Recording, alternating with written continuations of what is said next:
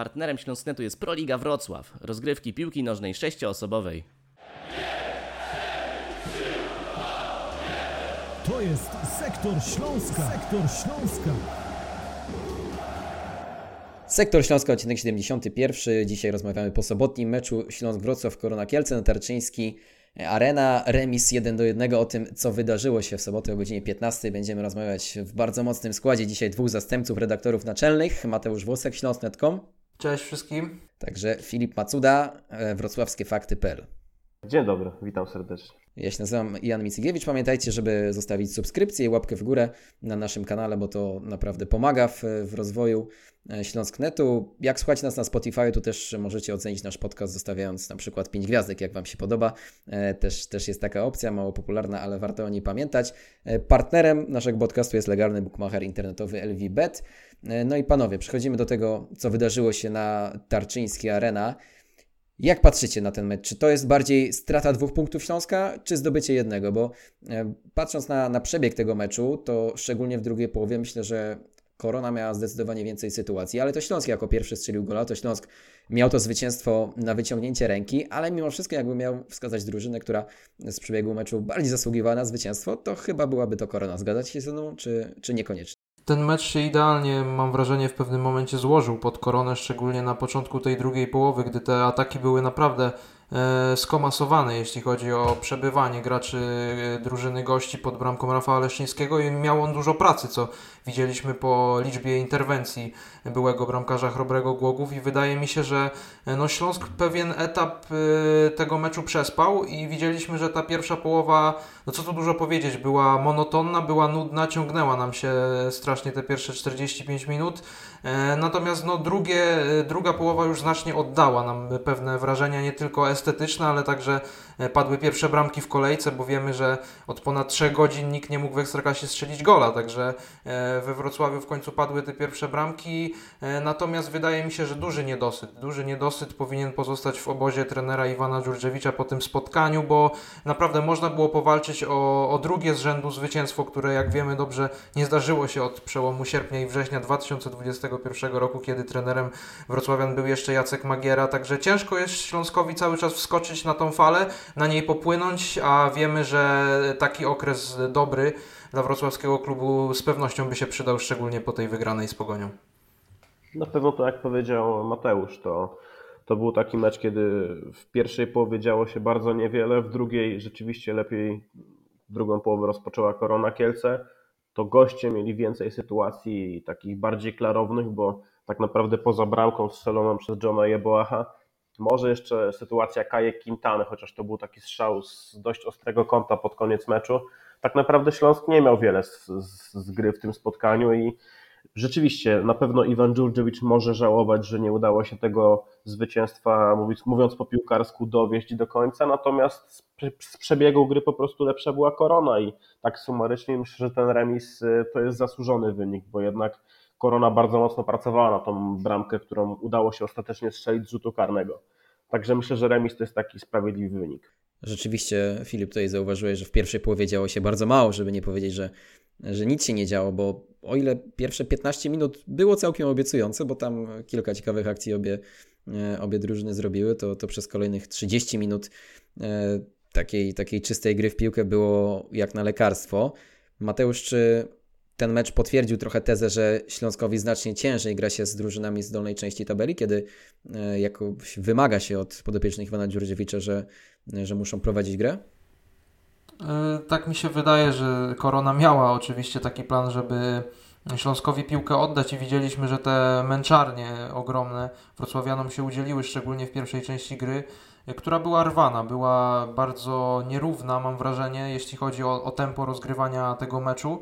I widzieliśmy to po chociażby liczbie fauli. Te, te faule zdarzały się często w bocznych sektorach, daleko od, od bramek obu zespołów i e, Przede wszystkim ja chciałbym zwrócić uwagę na fakt tego, że strasznie mierzwiły mnie zagrania z rzutów e, wolnych, czy to ze stałych fragmentów gry, czy z rożnych E, nie wiem ile ich było niedokładnych, ale no po prostu dokładne można było policzyć na, na palcach jednej ręki dosłownie. I nawet te wrzutki Wiktora Garcia, których wiemy, że wykonał aż 9, bo jest znany z tego, że, że często centruje w pole karne, no nie, nie znalazły często swoich odbiorców. Y, te zagrania e, kończyły się często po prostu wybiciem piłki gdzieś za, za linię końcową. Muszą popracować wrocławianie nad dokładnością, bo bez dokładności no nie da się grać w piłkę i to są takie podstawy futbolowego abecadła powiedziałbym i, i strasznie raziło mnie właśnie w tym spotkaniu to w oczy, że nie mamy dobrego nawet wykonawcy stałych fragmentów gry, chociaż Patrick Olsen znany jest z tej dobrze ułożonej stopy, natomiast e, no, przypomnijmy sobie tak naprawdę, kiedy ostatnio Śląsk po, po jakimś rzucie wolnym albo bezpośrednim, e, o, o bezpośrednim rzucie wolnym czy rzucie rożnym zdobył gola. No, ja sobie przypominam pucharowe starcie z Lechem Poznań i te uderzenie piękne Rika Exposito ale po takich dośrodkowaniach, no to rzadko Śląsk stwarza, stwarza zagrożenie i tutaj na pewno wydaje mi się, że to jest element, nad którym, nad którym e, Śląsk musi popracować. Ja w ogóle zachodzę w głowę, dlaczego Śląsk miał taki pomysł na ten mecz, czy, czy, czy to był pomysł, czy po prostu tak to wyglądało e, już w praktyce, że mimo wszystko gra Śląska opierała się na długich zagraniach. E, tak jak powiedział Mateusz, było bardzo dużo dośrodkowań Garcia,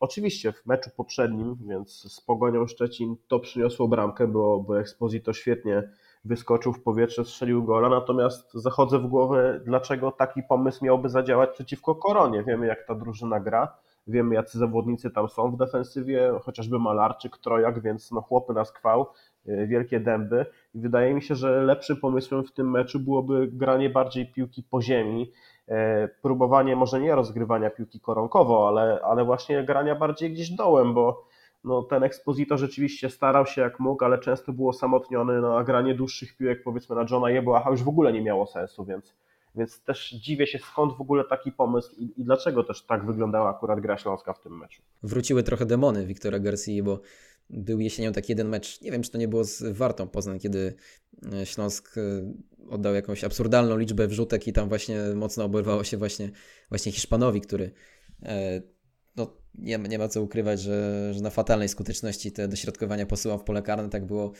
także w meczu z Koroną. Cieszyć może na pewno postawa Rafała Leszczyńskiego, który rzeczywiście wybronił Śląskowi ten mecz i zasługiwał na, na czyste konto, bo, bo kilka fenomenalnych interwencji zaliczył. Ale czy Filip, Ciebie trochę nie martwi liczba sytuacji, jaką ze sporą łatwością stworzyła sobie Korona, szczególnie w tej drugiej połowie? Bardzo mnie martwi ta, ta liczba sytuacji, którą Korona sobie stworzyła, zwłaszcza w drugiej połowie, tak jak powiedziałeś, bo no, wydawać by się mogło, że skoro Śląsk Wrocław przeszedł do grania tą trójką z tyłu, to jednak jest ten jeden zawodnik w defensywie więcej do zabezpieczania gry. Natomiast e, o ile na przykład do Diogo Verdaski, który uważam, że zagrał dobry mecz w Szczecinie i dobry mecz teraz z Koroną, okraszony jeszcze asystą, trudno jest się przyczepić, o tyle na przykład Łukasz Bejger na pozycji półlewego stopera no nie radził sobie w tym meczu zbyt dobrze, sprokurował rzut karny. On w ogóle rzadko na tej pozycji grał. Ja pamiętam taki mecz jeszcze za kadencji trenera Jacka Magiery, E, bodajże w Lubinie e, wyjazdowy, wygrany 3 do 1 przez Śląsk i tam Baker zagrał półlewego stopera, zagrał go bardzo dobrze, natomiast to jest gdzieś zawodnik, którego widziałbym naturalnie na pozycji półprawego stopera w tym trzyosobowym bloku. Też wydaje mi się, że nie najlepszy mecz zagrał mimo wszystko Konrad Poprawa. To jest zawodnik, wiemy, że którego no, doceniamy, tak, bo, bo często rzeczywiście gra bardzo dobrze, natomiast e, no, czy z sikawką, czy, czy później, kiedy wszedł na boisko Bartosz Śpiączka, mam wrażenie, że e, ci napastnicy Korony bardzo łatwo sobie przedstawiali obrońców e, Śląska. Pod koniec na murawie pojawił się Daniel Gretarson, więc to jest taki też, można powiedzieć, promyk nadziei na przyszłe mecze. Czy, czy Islandczyk będzie gotowy na 90 minut, jeszcze tego nie wiemy. Natomiast no, wydaje mi się, że to jest taki zawodnik, który musi też grać w pierwszym składzie, bo po prostu dużo pewności siebie do tej defensywy wnosi i po prostu no, być może z nim na boisku rywal nie generowałby takiego dużego zagrożenia pod, y, pod bramką Śląska, bo rzeczywiście te sytuacje no, mnożyły się jak grzyby po deszczu. Mateusz, kontynuując wątek, który tutaj rozpoczął Filip a propos średniej postawy defensywy Śląska, czy nie masz wrażenia, że ten mecz pokazał między innymi to, jak, jak właśnie napastnicy Korony łatwo radzili sobie z, z defensorami Śląska, jak często wygrywali pojedynki fizyczne, czy to czy na ziemi, czy, czy w powietrzu, czy to nie pokazuje trochę jak w Śląsku brakuje takiego wysokiego, twardo grającego obrońcy, takiego przysłowiowego drwala, takich, takiego zawodnika, jakiego ma na przykład Korona w defensywie. W pewnym momencie pojawił się temat Komora z Resowi, ten temat upadł, ale, ale właśnie czy to nie jest jednak tak, że rzeczywiście e, ten temat się pojawił, bo była taka potrzeba, w klubie to zauważono i, i ten mecz z Koroną e, to również obnażył, że, że ta defensywa momentami grała zdecydowanie za miękko.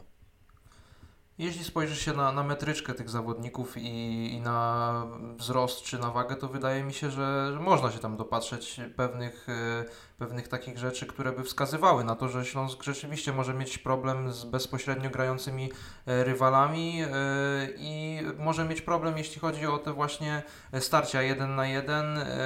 Ja, jeśli chodzi o, o defensywę właśnie w tym kontekście, to przypomina mi się Diogo Verdaska i jego początki gry w Śląsku Wrocław. On miał problemy na początku z, z dostosowaniem się do tego e, mocnego, twardego, agresywnego stylu grania w ekstraklasie. Na początku e, często w tych pojedynkach nie był tak zdecydowany jak jest teraz, bo teraz widzę obrońcę, który już nauczył się trochę tej ligi i który mimo wszystko wie mniej więcej gdzie jest granica faulu, wyczuwa pewne aspekty funkcjonowania w tej lidze, natomiast on na początku był zdecydowanie zbyt miękki. Ja pamiętam, że przepychali go nawet mniejsi zdecydowanie zawodnicy od niego chociażby w Gliwicach e, jeszcze podczas e, tego meczu zakończonego wtedy remisem 1 do 1, gdy Fabian Piasecki zdobył piękną bramkę przewrotką.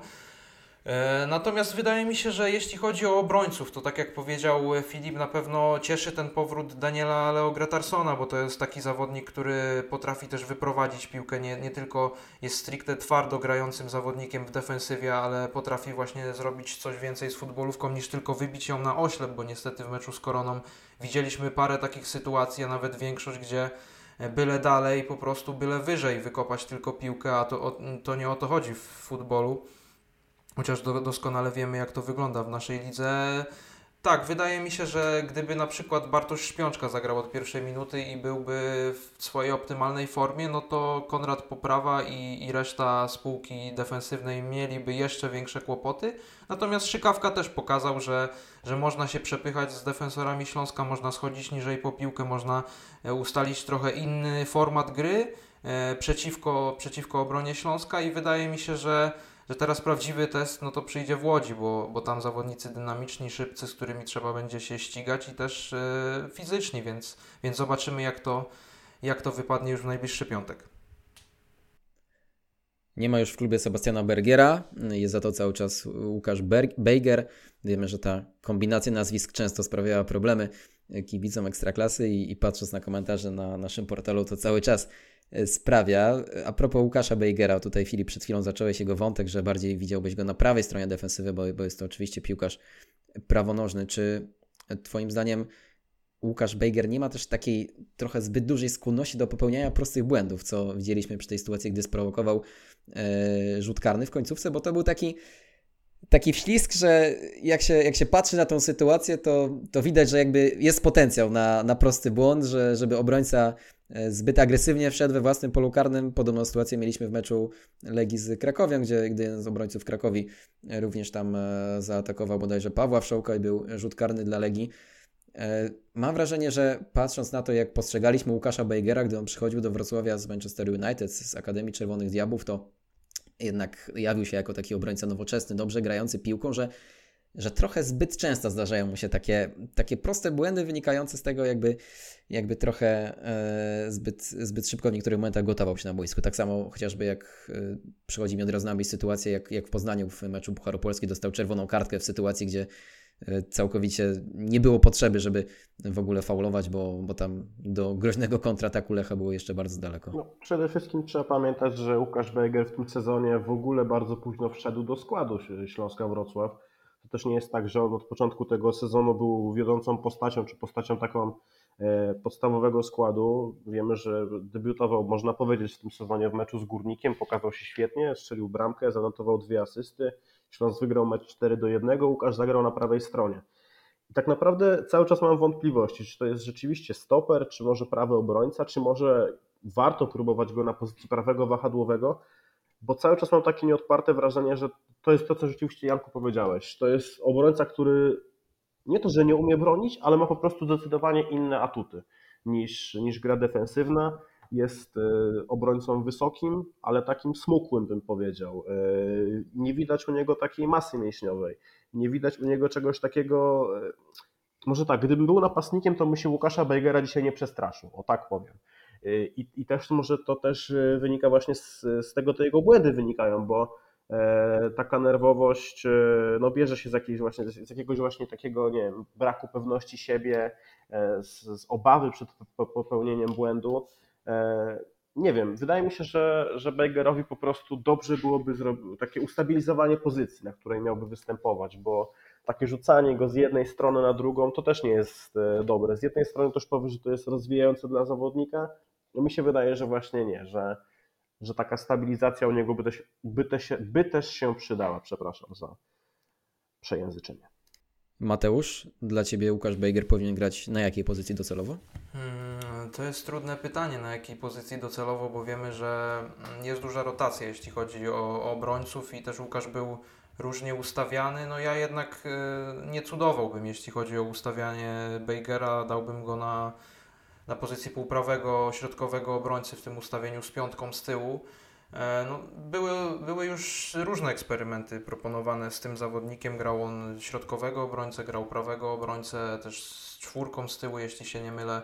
E, także testowano go na różnych pozycjach. Ja pamiętam jeszcze w meczu z Polonią Warszawa, jak on chyba w tym sezonie drugiej ligi grał swój jeden z pierwszych meczów w ogóle w sezonie, bo on wtedy w Ekstraklasie w ogóle nie występował, to o czym już mówił Filip, że, że tego czasu musiał trochę złapać, tego rytmu gry, żeby w ogóle wskoczyć do, do Ekstraklasy. E, no to tam e, przez jego błąd między innymi on wtedy był ustawiony chyba jako jeden e, właśnie z trójki środkowych obrońców, jeśli się nie mylę, był półlewym wtedy, no to on tam popełnił duży błąd, po którym padła bramka dla, dla Polonii. I Śląskowi później udało się wyrównać stan meczu. Wiemy po tej y, akcji słynnej Bergiera i, y, i bramkarza Polonii, która obiegła później internet. Natomiast y, tak, wydaje mi się, że najlepszą pozycją byłby tu półprawy środkowy obrońca. Dla Łukasza też wiemy, jakie on y, potrafił y, notować y, liczby, jeśli był ustawiany nawet troszkę bardziej w stronę wahadła jak chociażby z Górnikiem Zabrze, gdzie, gdzie miał te dwa rajdy do przodu, natomiast wiemy, że Górnik był wtedy totalnie rozbity już pod koniec meczu, tam wtedy e, zanotował asystę, strzelił gola, także e, no, Łukasz jest bardzo chimeryczny, tak jak cały Śląsk. E, dajmy mu po prostu czas. Wiemy, że ostatnio minęły dwa lata, odkąd jest we Wrocławiu. Zobaczymy, w którą stronę pójdzie ta jego kariera, bo naprawdę jest perspektywicznym obrońcą.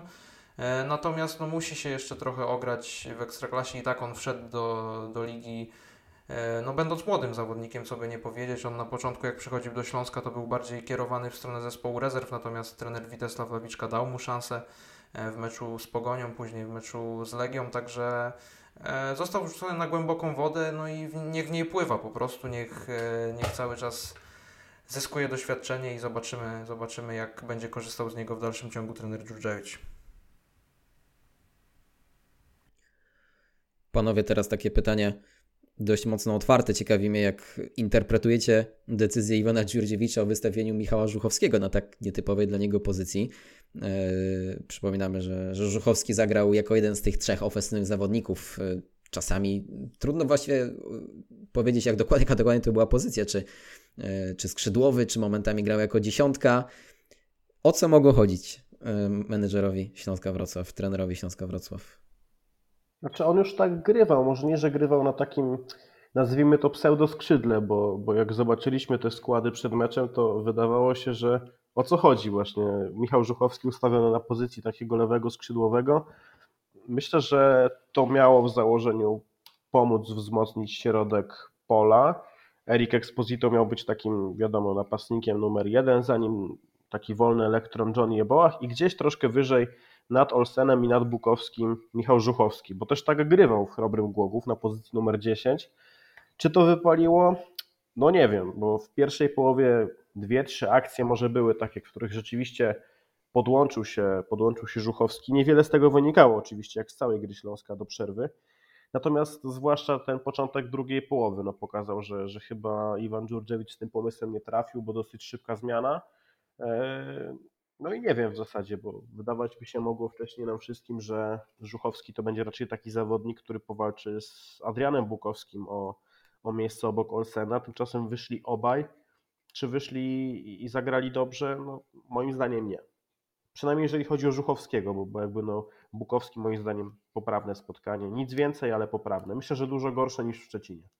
Mateusz, myślisz, że możemy jeszcze zobaczyć Michała Żuchowskiego w takiej roli w najbliższym W meczach? takiej roli raczej nie. Ja właśnie mm, przed chwilą też pokłóciłem się z jednym z czytelników pod, y, pod moim y, tekstem, pod plusami i minusami, jeśli chodzi o pozycję Michała Żuchowskiego, bo do, doskonale pamiętam go z tego pucharowego meczu e, z Sandecją Nowy Sącz w Niepołomicach, gdzie jako ten wolny elektron właśnie za Rickiem Exposito, e, mając na skrzydle Johna Jeboacha, gdzie Żuchowski wyglądał naprawdę dobrze i przede wszystkim przenosił piłkę wyżej, e, notował progresywne podania, e, cały czas starał się coś wykreować i być może była to rzeczy, było to spowodowane niską klasą rywala, natomiast wydaje mi się, że e, troszkę jednak przeszarżował trener Dżurdżewicz w meczu z Koroną. Powiedział, że niby ten plan się sprawdził, bo on e, utrzymywał bardziej piłkę w środku, że, że to miało zacieśnić jeszcze bardziej środek, natomiast zauważmy, że ten środek był e, tak mocno skonsolidowany, że tak naprawdę nie można było tej, tej futbolówki przenieść wyżej, że e, ten Bukowski i Olsen byli tak mocno zaaferowani e, sprzątaniem, powiedziałbym e, tak e, brutalnie, środka pola, że e, nie można było nic z tego stworzyć i ratowały Śląska w tej sytuacji tylko i wyłącznie kontrataki, z których znany jest zespół trenera Dżurdżewicza w ostatnich tygodniach. E, No i wydaje mi się, że to powinna być broń Śląska, właśnie te szybkie ataki, a, a nie próba gdzieś pchania piłki w środek, gdzie jeszcze Korona e, miała dodatkowych zawodników, gdzie cały czas był Deakonu, był Szpakowski, e, także wypychała Śląska do bocznych sektorów, a wiemy jak to się kończyło. Kończyło się tymi dośrodkowaniami, o których mówiliśmy i tak te koło się zapętliło nam w tamtym spotkaniu i, i dopiero wejście Denisa Ja- Jastrzębskiego spowodowało, że że troszkę ten Śląsk zaczął grać bardziej ofensywnie. Też nie wiem, czy trener czasem nie przyznał się do błędu, bo wydaje mi się, że Denis Jastrzębski powinien zagrać od pierwszej minuty, e, e, jeśli chodzi o, o właśnie ten mecz, bo Żuchowski wystawiony na tak e, dziwnej pozycji, rzeczywiście uważam, że nie do końca się sprawdził. Widzieliśmy, że Quintana zagrał z Pogonią jako bardziej właśnie lewoskrzydłowy, też e, udowodnił, że raczej nie powinien być wystawiony właśnie na tej pozycji. To wyglądało różnie, bo oni też się wymieniali trochę z Rickiem Exposito. Ale cały czas trzeba szukać jakichś, jakichś rozwiązań i teraz tylko zastanawiam się, po prostu będę myślał aż do piątku, co wymyśli trener Dżurdżewicz na piątkowy wieczór, bo tam też można zamieszać tym składem. A ja miałbym takie rozwiązanie. I to takie rozwiązanie, które już w drugiej połowie się pojawiło, czyli w momencie, kiedy na murawie pojawił się Denis Jastrzębski, pojawił się także Nahuel. I wydaje mi się właśnie, że Hiszpan to jest taki zawodnik, który dałby dobrą zmianę. Wydaje mi się też, też że nieźle wyglądał w Szczecinie mimo wszystko. Wiem, że nie w może tak wymierny sposób, bo jednak z Koroną to jego otwierające podanie dotarło do Werdawski, który zgrał piłkę do Jeboacha. No ale wydaje mi się, że właśnie jeżeli kogoś mamy wystawić na pozycji takiego wolnego elektrona, gdzieś obok, czy za Jeboachem, za Exposito, no to właśnie Matias Nauel Lejwa to byłby taki ciekawy wybór i, i wcale bym się nie zdziwił, jeżeli ten zawodnik by zagrał w Łodzi od początku. Zupełnie by to nie była dla mnie niespodzianka. Nauel wypadł z pierwszej jedenastki, ale tak jak tutaj panowie y, powiedzieliście, te zmiany naprawdę rozruszały grę Śląska. W drugiej połowie to była też reakcja Iwana Dziurdziewicza na taką bardzo wyraźną przewagę Korony Kielce w y, początkowych minutach drugiej połowy, bo tam no tylko, tylko szczęście i świetne interwencje Rafała Leszczyńskiego uratowały Śląsk y, przed tym, żeby już na, na początku drugiej połowy wyciągać piłkę z siatki. Jeśli chodzi o Nauela, to też zwróciłbym uwagę na, na tą akcję bramkową, bo myślę, że bardzo rzadko mamy do czynienia z takimi akcjami w Ekstraklasie. Też e, no, na pewno po Nauelu, gdy przychodził do, do naszej ligi, to wszyscy się spodziewaliśmy, że e, wiedząc jaki to jest zawodnik, jakie ma umiejętności techniczne, to, e, to chcieliśmy, żeby jak najczęściej czarował nas takimi podaniami, jak, jak właśnie w tej sytuacji. Także na pewno na, na pochwałę zasługuje Diogo Verdaska, który, który świetnie dograł tą piłkę do, do Johna Bo- Jeboacha. No i, i może o Jeboachu sobie chwilę pomówmy, bo Wiadomo było, że to musi być jeden z liderów Śląska e, w tej rundzie wiosennej, że, że nie ma innej opcji, ale czy nie martwicie się trochę, że e, być może za dużo będzie spoczywać na jego barkach, że, że nie przydałoby się, żeby ta, ta odpowiedzialność w ofensywie rozkładała się trochę na, e, na, więcej, na więcej zawodników, czy, czy na przykład e, właśnie obecność Jastrzębskiego w pierwszej jednostce nie, nie spowodowałaby, że ta, te akcenty ofensywne byłyby trochę bardziej równomiernie rozłożone i że tak jak Jebołach może zaskakiwać rywali akcjami na, na prawym skrzydle, tak gdy Jastrzębski biega po, po lewej flance, to, to również sporo się dzieje, co widzieliśmy właśnie w drugiej połowie meczu z Koroną. To jest mocno utopijna wizja, ale wydaje mi się, że przy dobrej dyspozycji wszystkich trzech zawodników z ofensywy, już wspomniałeś o, o Jeboachu, o Jastrzębskim i o Exposito, którego dołożyłbym do tej e, świętej trójcy, no to wydaje mi się, że Śląsk by miał naprawdę dużo pożytku, natomiast widzieliśmy w poprzednich meczach, jak to wygląda, że czasem Exposito ma lepszy dzień, tak jak w Szczecinie, e, gdzie za tym poszła też forma Jeboacha, a czasem po prostu cała trójka e, ma gorsze dni i trzeba to dopasowywać odpowiednio do taktyki i do, i do formy dnia. Natomiast wydaje mi się, że Jeboach już jest w tym momencie, na wejściu do tej rundy wiosennej, jest już w takiej dyspozycji, że on będzie tylko rósł i trzeba mu dać po prostu odpowiedniego partnera.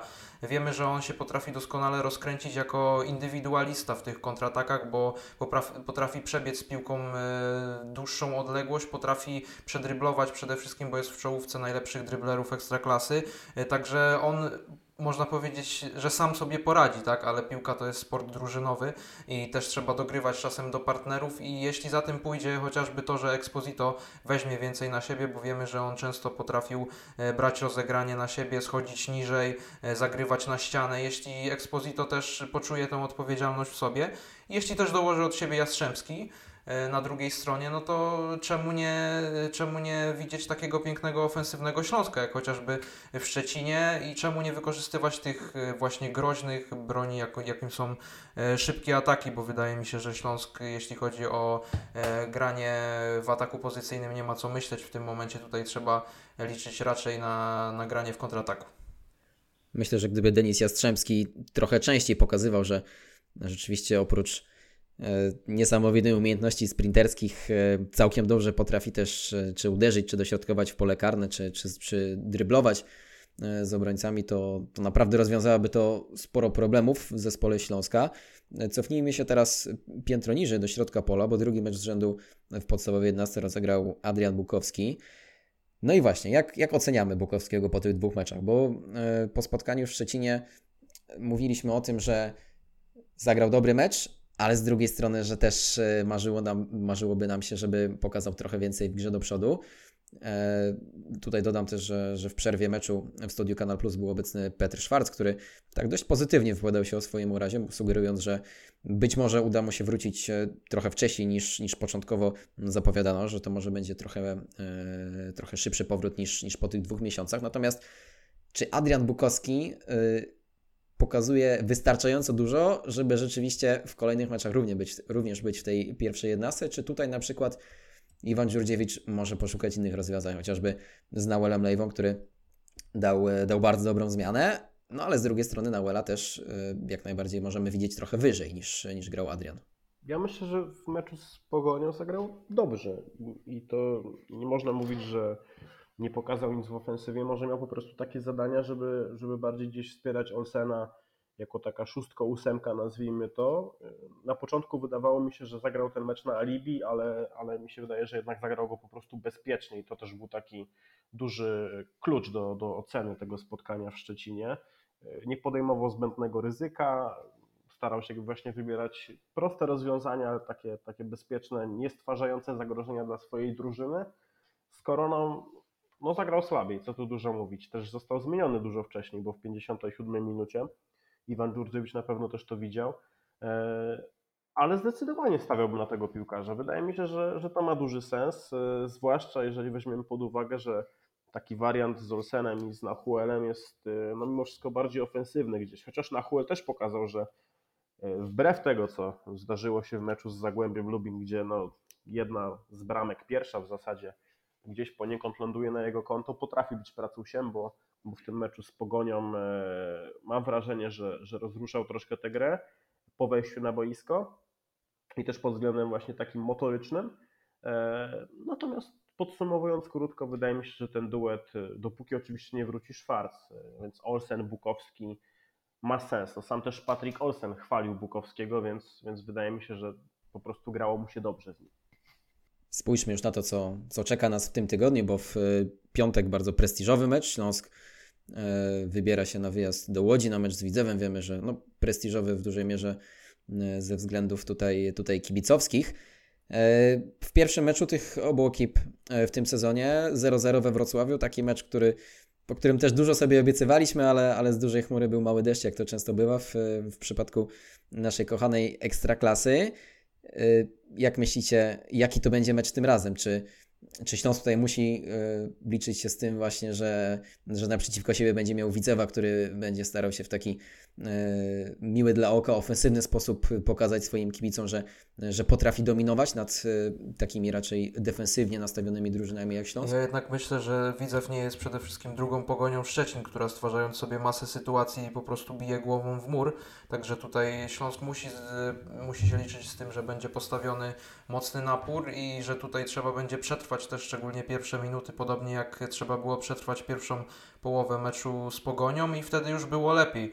E, wiemy, że Śląsk jeśli nastawi się na takie granie, że będzie ciągle przyjmował rywala na swojej połowie, to może skończyć się źle, jeśli ta defensywa nie będzie współpracować dobrze. Natomiast widzieliśmy znowu, odwołując się do meczu z Pogonią, że e, jeśli wszystkie działania defensywne są e, dobrze ustawione, jeśli to wszystko funkcjonuje dobrze, cały blok ze sobą współpracuje, to nawet Pogoń Szczecin, która ma e, w swoich szeregach wielu dobrych, mocnych, ofensywnych zawodników, nie potrafiła sobie stworzyć tak dużego zagrożenia, chociaż też wiemy, że trener Niedźwiedź może zdecydować się na nieco inne granie, być może będą chcieli przyjąć Śląska bardziej na swojej połowie, znowu oddać piłkę Śląskowi, zrobić to co, naj, co najlepsze, jeśli chodzi o mecze przeciwko drużynie trenera Dżurdziewicza, żeby zobaczyć jak Śląsk będzie sobie radził z piłką przy nodze, a wiemy, że w tym sezonie to jest troszkę problematyczne, e, jeśli chodzi o zawodników z Wrocławia. E, także ciężko przewidzieć, jak potoczy się to spotkanie. Mam nadzieję, że będzie dużo bramek, bo e, patrząc na ostatnie mecze Widzewa, to zdecydowanie nie ograniczają się podopieczni trenera Niedźwiedzia. E, a Śląsk wiemy, że jak już padnie ta jedna bramka, to być może jakaś wymiana, odgryzienie się. No zobaczymy. Trudno przewidzieć, a wiemy, że, że padł ten bezbramkowy remis na jesień, także tutaj przydałby się jakiś kontakt do, do wizjonera albo jakiegoś iluzjonisty, który by nam tutaj wynik przewidział. Ja podzielam to, co powiedział Mateusz. Chciałbym, żeby to był mecz wielobramkowy, żeby to nie był taki mecz jak e, w sierpniu, bo to był mecz rozgrywany 6 sierpnia. Wówczas w zasadzie taką, taką migawką z tego spotkania pozostanie obroniony rzut karny Michała Szeromnika, bo wtedy mogła paść rzeczywiście jedna bramka, Widzew mógł wygrać 1 do 0 E, ale wydaje mi się, że też ten mecz cały czas jest bardziej pamiętany z tego zamieszania związanego z wpuszczeniem kibiców gości, którzy ostatecznie się pojawili na, na stadionie, z tego co pamiętam, czy na pewno się pojawili na, na stadionie. E, oby to był mecz wielobramkowy i tak jak powiedział Mateusz, kluczowe będzie też przetrwanie pierwszych kilkunastu minut, bo widzę grając u siebie na 100% ruszy i wydaje mi się, że że Śląsk po prostu będzie musiał przetrwać tę pierwszą połowę może nawet. Tak naprawdę tak jak zdarzyło się to w Szczecinie, bo, bo gdzieś też po pierwszej połowie nastroje w Szczecinie mogły być różne, że, że jednak tak pogoń w drugiej połowie dopadnie drużynę Iwana Dżurdziewicza, że jednak te sytuacje będą wykorzystywane. Nie udało się portowcom, udało się Śląskowi. Śląsk wygrał 2 do 0 zasłużenie. Myślę, że kibice nie obraziliby się, jeżeli taki scenariusz byłby e, w najbliższy piątek do zrealizowania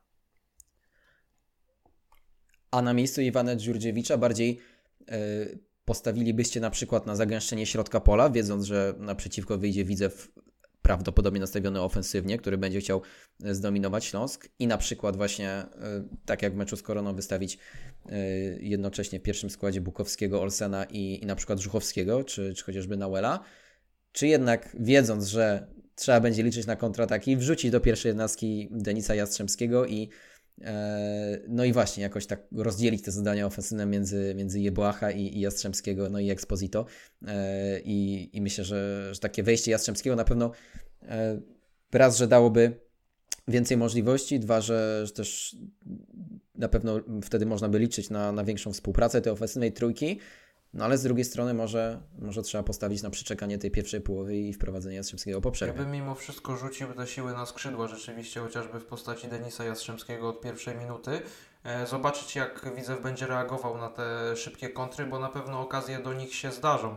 Wiadomo, że zagęszczenie środka pola to też jest sposób na to i Śląsk to w tym sezonie już pokazywał, gdy grał właśnie Bukowski obok e, Olsena i oni świetnie sobie radzili, bo przejmowali po sobie obowiązki defensywne, uzupełniali się dobrze, także wydaje mi się, że środek pola tutaj zupełnie nie jest żadnym kłopotem, bo jakkolwiek by nie wyszedł Śląsk e, w jakiejkolwiek konfiguracji, może być też, nie wiem, Michał Żuchowski na przykład wrzucony do środka, e, to ten e, środek będzie dobrze zabezpieczony, natomiast postawiłbym tutaj rzeczywiście na e, szybkich, mocnych skrzydłowych, którzy mogliby zrobić dużo zamieszania, spustoszenia. Wiemy, że Widzew też ma te mocne wahadła, mocne skrzydła, więc tutaj na pewno byłaby ciekawa e, ciekawa rywalizacja. Ostatnio zagrał tam Ciganix, jeśli się nie mylę, od pierwszej minuty, czyli nowy nabytek, także też nie do końca pewnie znany piłkarzom ekstraklasy, musieliby dopiero zapoznać się z jego umiejętnościami. E, No jestem też ciekawy, jak, jak to wszystko poukłada trener Dżurżewicz, być może Kaje Quintana nagle też zostanie odkurzony. Ja już teraz jestem gotowy na wszystko, także możemy sobie przewidywać, ale i tak e, ostatecznie zobaczymy, co będzie w piątek, prawda? Powiem tak, z takiego tercetu Jastrzębski, Quintana, Żuchowski, jako tego trzeciego zawodnika do przodu, najmniej, najmniej widziałbym Żuchowskiego. I wcale bym się nie zdziwił, jeżeli to byłby schemat podobny jak w Szczecinie. Co prawda wtedy Jastrzębski wszedł już w samej końcówce, kiedy tak naprawdę no, wynik był poniekąd rozstrzygnięty, było już 2 do 0. Wcale bym się nie zdziwił, jakby w pierwszym składzie wyszedł Kaje Quintana, bo oczywiście on zawiódł w Szczecinie, powinien strzelić bramkę, tak naprawdę powinien strzelić dwie bramki, bo na początku meczu, później jeszcze w drugiej połowie, kiedy zatrzymała go pusta bramka, można powiedzieć. E, W tym meczu z Koroną też miał swoją szansę, nie wykorzystał jej, za to akurat go tutaj nie winię, natomiast jest to zawodnik, który potrafi znaleźć sobie przestrzeń, e, wolną przestrzeń, potrafi w nią wejść. Inna sprawa jest oczywiście z wykończeniem tej akcji, ale no być może kiedyś, to nie jest oczywiście takie przewidywanie, że on teraz się przełamie i będzie strzelać nie wiadomo ile bramek, ale być może rzeczywiście znalazłby takie jedno miejsce, jeden moment w trakcie takiego spotkania, kiedy trzeba grać z kontry, e, wolnej przestrzeni, w której by się znalazł, oddałby może ten strzał, być może byłby to strzał w końcu celny. I wcale nie wykluczam takiego scenariusza. I nawet nie wiem, czy nie zdecydowałbym się sam, będąc Iwanem Dżurdziewiczem, na taki scenariusz, czyli ofensywna trójka Quintana, Exposito i Jeboa, ewentualnie w drugiej połowie wpuszczamy na podmęczony widzew Denisa Jastrzębskiego, który jest piłkarzem, uważam, dużo bardziej ograniczonym też od Quintany, bo, bo jest to zawodnik, który bazuje na swojej szybkości, nie ma zbytnio driblingu, jest piłkarzem dość jednowymiarowym i właśnie bardziej pod taką grę w drugiej połowie, pod grę taką typowo na podmęczonego rywala może być skuteczniejszy. Na konferencji prasowej po meczu z Koroną Kielce Iwan Dżurdziewicz bronił Kaje Quintany, mówiąc, że kibice już nie wierzą w to, że, że Hiszpan zacznie strzelać gole. Iwan Dżurdziewicz w to wierzy. Czy po waszych wypowiedziach ma wnioskować, że ekipa dzisiejszego odcinka Sektora Śląska nadal wierzy, że Kaje Quintana zacznie strzelać gole w trójkolorowych barwach? Wierzyć zawsze warto, natomiast y, z samej wiary jeszcze człowiek się nie najadł żadnym golem Kaje Quintany. Tak mogę tutaj sparafrazować. Y, Natomiast y, no wiadomo, trzeba mu dawać szansę, ale te szanse kiedyś powinny się skończyć i jeśli on nie trafia do pustej bramki w Szczecinie, no to mamy trochę kłopot, jeśli on nie wykorzystuje ostatniej szansy tak naprawdę w meczu z Koroną, chociaż to, był, to była trudna pozycja i trzeba sobie to powiedzieć szczerze, że z takiej pozycji trafić no byłoby trochę ciężko. E, Natomiast no, wiemy, że on dostawał już wiele tych, e, tych szans i w końcu to się musi wyczerpać. E, Też wydaje mi się, że, że pewnie w gabinetach już to jest bardzo dyskutowane, bo jak pojawiają się opinie i komentarze w internecie, to tam cały czas przewija się nazwisko Quintana, Quintana i Quintana. Jeśli, jeśli Kaje Quintana czytałby po polsku i widziałby, co się wylewa w internecie na jego temat, to myślę, że, że szybko by odinstalował przeglądarkę i, i też na pewno no, dla niego to jest ciężka sytuacja, bo on na pewno by się chciał przełamać. Ma też obok siebie Exposito, który, który też jest troszkę podłamany, jest też w słabszej formie, ale widzimy, że, że on ma te momenty. Natomiast y, tych momentów niestety brakuje u Quintany i to mnie bardzo martwi. Przede wszystkim trzeba pamiętać, kiedy Quintana wyglądał najlepiej za trenera Piotra Tworka. Kiedy trener Piotr Tworek obdarzył go zaufaniem, e, wystawiał go konsekwentnie, dwie bramki strzelone. Oczywiście to nie jest żaden porywający dorobek, ale swoje dołożył do tego utrzymania wtedy. To, tego też nie można mu oczywiście zabierać. Powiem tak, ja na Quintanę bym stawiał, nie wiem w jakim wymiarze czasowym, to oczywiście zależy od trenera, od dyspozycji jego i, i na treningach, też od dyspozycji innych zawodników po prostu dał mu taki czas do końca sezonu, żeby, żeby udowodnił jednak swoją przydatność, bo było wielu zawodników, którzy mieli pierwszy sezon nieudany, potem część drugiego sezonu nieudanego, ale nagle odpalali. No, nie prorokuję, że jakby w, takim, w tym wypadku tak będzie z Quintaną, natomiast no, skoro jest zawodnikiem Śląska Wrocław, skoro ma płacone pieniądze, no to dlaczego z niego nie korzystać? Tak powiedziałem, ma swoje atuty, e, potrafi się znaleźć na wolnej przestrzeni, potrafi sobie E, gdzieś ta piłka go cały czas szuka. No. Być może on też znajdzie drogę do, do siatki z tą piłką w końcu. Ciekawe wypowiedzi na temat e, hiszpańskiego napastnika. Myślę, że tak w kontrze do tego, co, co twierdzi wielu kibiców. E, także jeśli dotrwaliście do tego momentu i, i, nadal nas słuchacie, to możecie napisać w komentarzach, czy zgadzacie się z tym, co, co chłopaki tutaj powiedzieli na temat Kaje czy jednak wolelibyście, żeby Hiszpan już raczej nie dostawał zbyt wielu minut w barwach Śląska. Na pewno minut już nie będzie dostawał Sebastian Bergier, którego nazwisko dwa razy już wcześniej wpadło w tym podcaście. Napastnik wychowanek Śląska Wrocław odszedł e, do GKS-u Katowice. Niestety nie doczekaliśmy się jego gola e, w Ekstraklasie. Przyszedł natomiast Patryk Szwedzik. Tutaj panowie na sam koniec już tak zostawiając wątek ekstraklasowy, chciałem Was poprosić, żebyście mogli coś, coś więcej powiedzieć na temat tego zawodnika. Czy to jest piłkarz, który ma potencjał, ma szansę na grę w Ekstraklasie w tym sezonie, czy, czy jednak kibice Śląska raczej powinni się nastawiać, że, że będziemy go widzieć przede wszystkim w rezerwach? Jeśli popatrzymy na jego liczby i na to, jak grał szczególnie w tamtym sezonie pierwszej ligi, no to zdecydowanie ten zawodnik ma potencjał, jest jeszcze młody, także może sporo Śląskowi dać. E, wprowadzałbym go jednak ostrożnie właśnie przez rezerwy, ewentualnie zobaczyć jak będzie się prezentował na poziomie drugiej ligi, bo wiemy, że Śląsk tam teraz ma duże kłopoty. Przydałby się zawodnik z ograniem e, właśnie na zapleczu ekstraklasy, być może dałby rezerwom Śląska coś więcej. No naprawdę jest, jest pozytyw, jest takim pozytywnym cieniem, jeśli chodzi w tym momencie o, o tą całą politykę transferową i tego, że brakowało zawodnika, który by w ogóle przyszedł. Ja mam nadzieję, że on y, nie będzie szedł taką drogą, może to nie jest najlepszy przykład, ale Jakuba Lutostańskiego, który wiadomo, że przychodził jako najlepszy strzelec Centralnej Ligi Juniorów, y, natomiast teraz zdobył tylko dwa gole w tym sezonie w, w U19 w Celiotce i to z rzutów karnych, y, także no to nie był najlepszy transfer Śląska, wiadomo, że on jest od niego dwa albo trzy lata młodszy, Natomiast my chcielibyśmy, żeby w Śląsku zawodnicy zdecydowanie rozwijali swoje skrzydła a nie spadali o drużynę niżej, jak to miało miejsce w przypadku Lutostańskiego, który troszkę w rezerwach grał, jakieś y, ogony łapał, natomiast y, to ostatecznie nie dawało mu wiele. Y, na razie nie obiecujmy sobie zbyt wiele po Szwedziku, zobaczymy jak on będzie wyglądał właśnie w rezerwach i wtedy może powiemy coś więcej, bo, bo, bo na razie ciężko wyrokować. Na pewno jest to transfer, który ma sens, bo bo obarczony niewielkim ryzykiem. W zasadzie no, gorszy od Sebastiana Bergiera raczej w pierwszym zespole nie będzie, bo co tu dużo mówić, Sebastian Bergier przez te wszystkie lata pobytu w Śląsku Wrocław no nie przekonał do siebie i trenerów, i działaczy, i kibiców, że to jest zawodnik na ekstraklasę. Szwedzik to jest zawodnik z rocznika bodaj 2001, więc 21-latek, 21 lat, 22 lata skończy w tym roku w grudniu, bo to jest zawodnik z grudnia. E, transfer obarczony, tak jak powiedziałem, niskim, niskim ryzykiem, być może się sprawdzi, być może dostanie swoje szanse już w tym sezonie, tak jak powiedział Mateusz, natomiast e, no bardziej, bardziej spodziewałbym się jednak go na razie w rezerwach, e, że tam się pokaże, tam zadebiutuje i być może strzeli pierwsze bramki. No ale ja, ja nie skreślam tego transferu, uważam go za całkiem sensowny.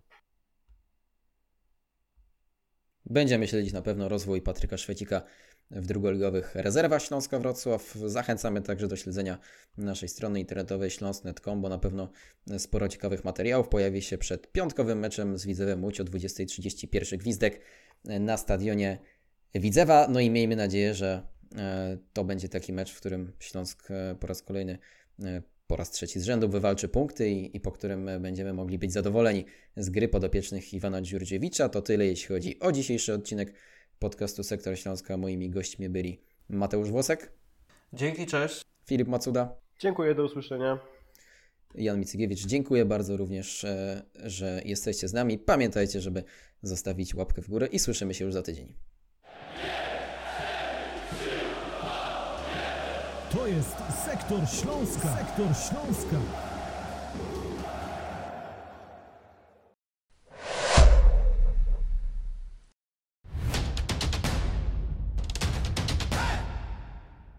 Partnerem Śląsknetu jest Proliga Wrocław, rozgrywki piłki nożnej sześcioosobowej.